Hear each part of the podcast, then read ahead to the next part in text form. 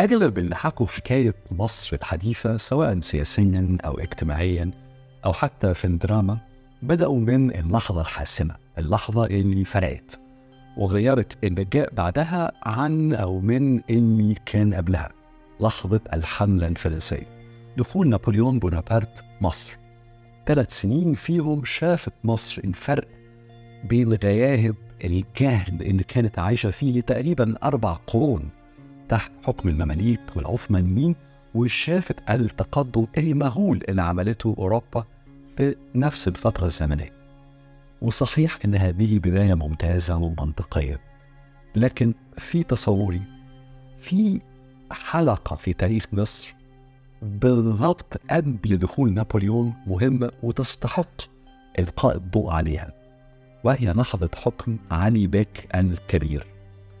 هي كانت تقريبا 25 30 سنة قبل الحملة الفرنسية وتقريبا 30 40 سنة قبل حكم محمد علي باشا.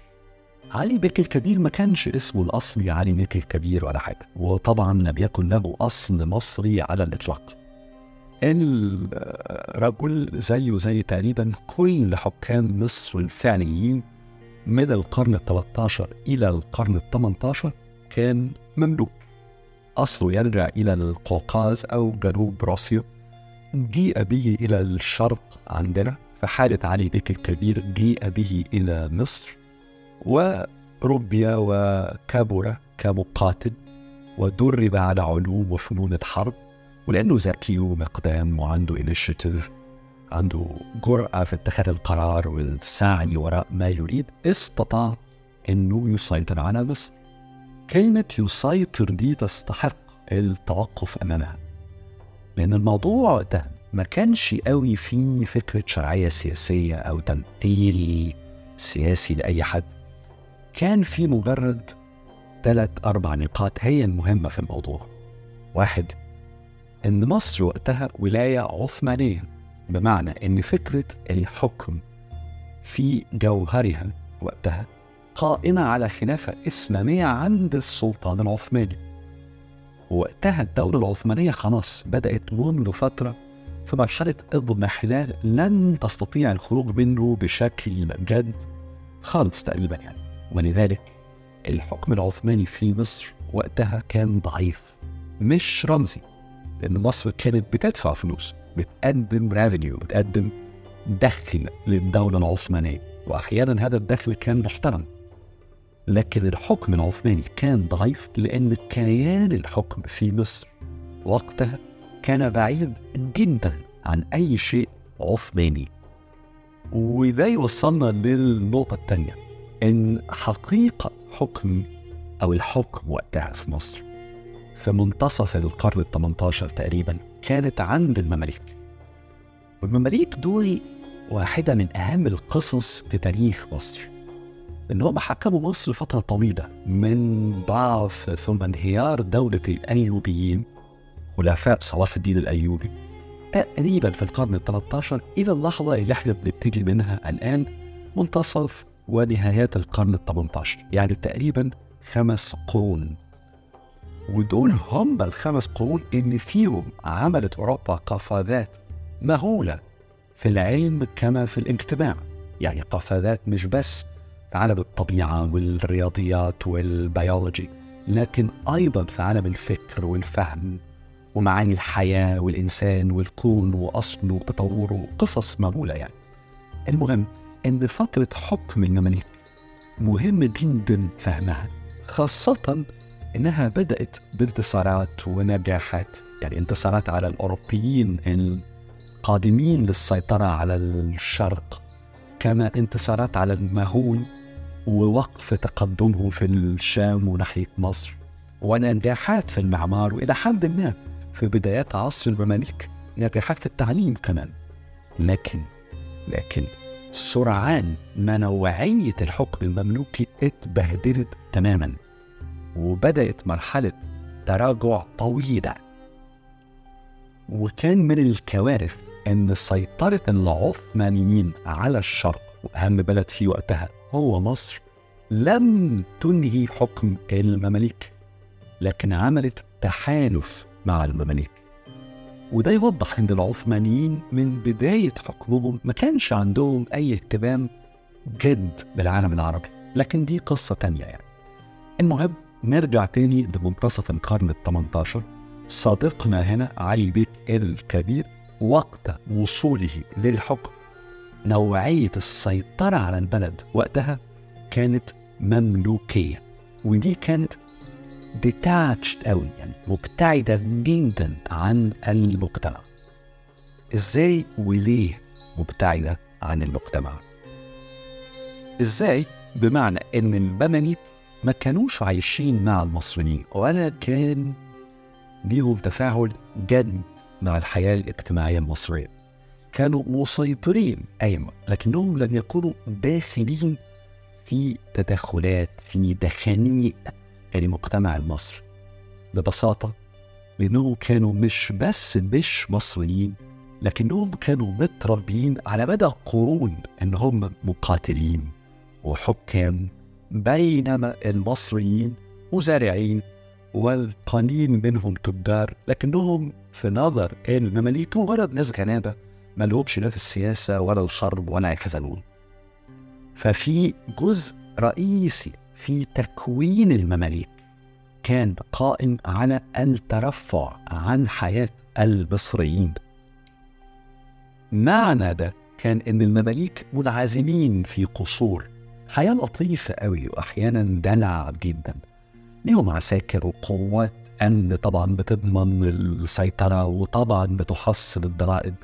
لكن اتصالهم بالحياة الاجتماعية المصرية كان محدود وممتد وطبعا كلما ابتعدنا عن مراكز الحياة المصرية يعني كل ما بعدنا عن القاهرة واسكندرية ومدن الدلتا الكبيرة زي طنطا مثلا كل ما حتى السيطرة دي قلت شوية المهم ده كان نوع الحكم الموجود عند وصول علي بيك الكبير للسلطة.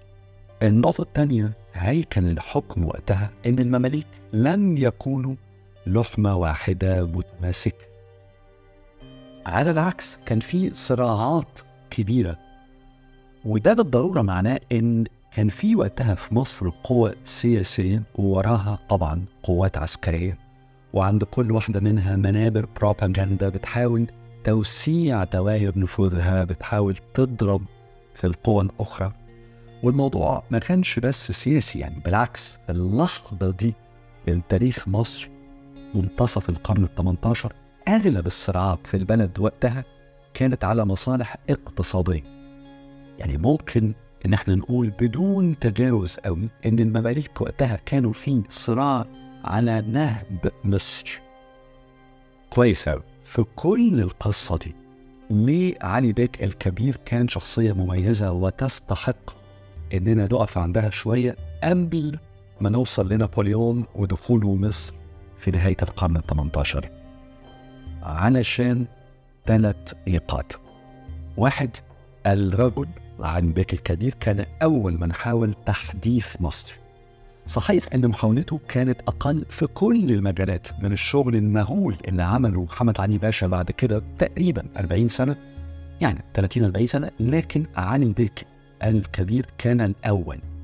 ومحاولة علي بيك الكبير زي محاولة محمد علي باشا فيما بعد بدأت بالنظر في تحديث شغل وتسليح وأداء الجيش وصولا إلى بدايات فكرة الصناعة في مصر. التحديث فشل لسبب رئيسي أن علي البيك الكبير ما كانش عنده طاقم يشتغل معاه من ناس محترفين. اللي كانوا حوله كانوا أقرباء ومعاونين على قد حالهم والملفت إن أهم اقربائه ومعاونيه خانوه. المهم الرجل لم يفكر في إنه يبني مؤسسات على الاطلاق محاولته كانت تحديث amateurship محاولة هواة ليست مبنية على فكر جد ولا علم جد ولا exposure جد. يعني ما كانش فيه فهم حقيقي لتجارب أمم تقدمت فعلا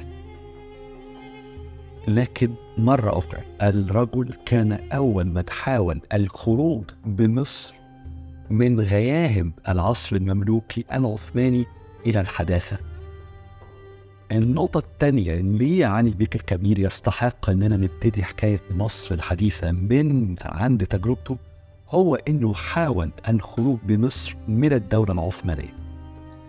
هنا علي بيك الكبير لم يكن أول مملوك يحاول يعمل ده.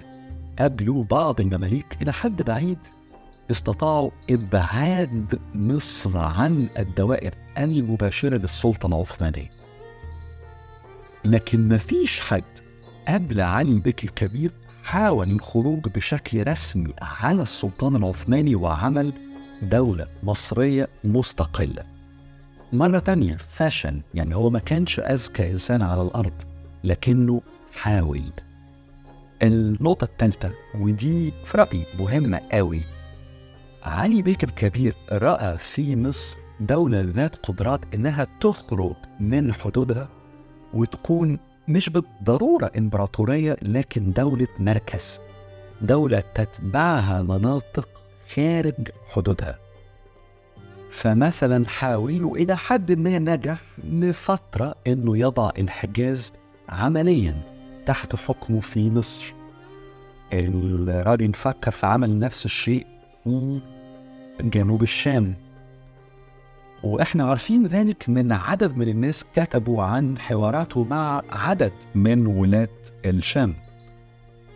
ومرة تانية النتيجة النهائية إنه لن يجعل مصر دولة مركز ولا حاجة. لكن فكرة مصر كدولة مركز وحتى احتمالية إمبراطورية مصرية في الشرق ان الفكرة اللي طلعها علي بيك الكبير اتزرعت في تربة الوجدان المصري وبدت بدت تنمو بشويش لكن بدت تنمو. في النهاية الرجل فشل في كل الحاجات اللي هو حاول إن هو يعملها لكن يبقى له إن الأهداف اللي حاول إن هو يصل إليها كانت هي فعلا البدايات اللي قامت عليها مصر الحديثة.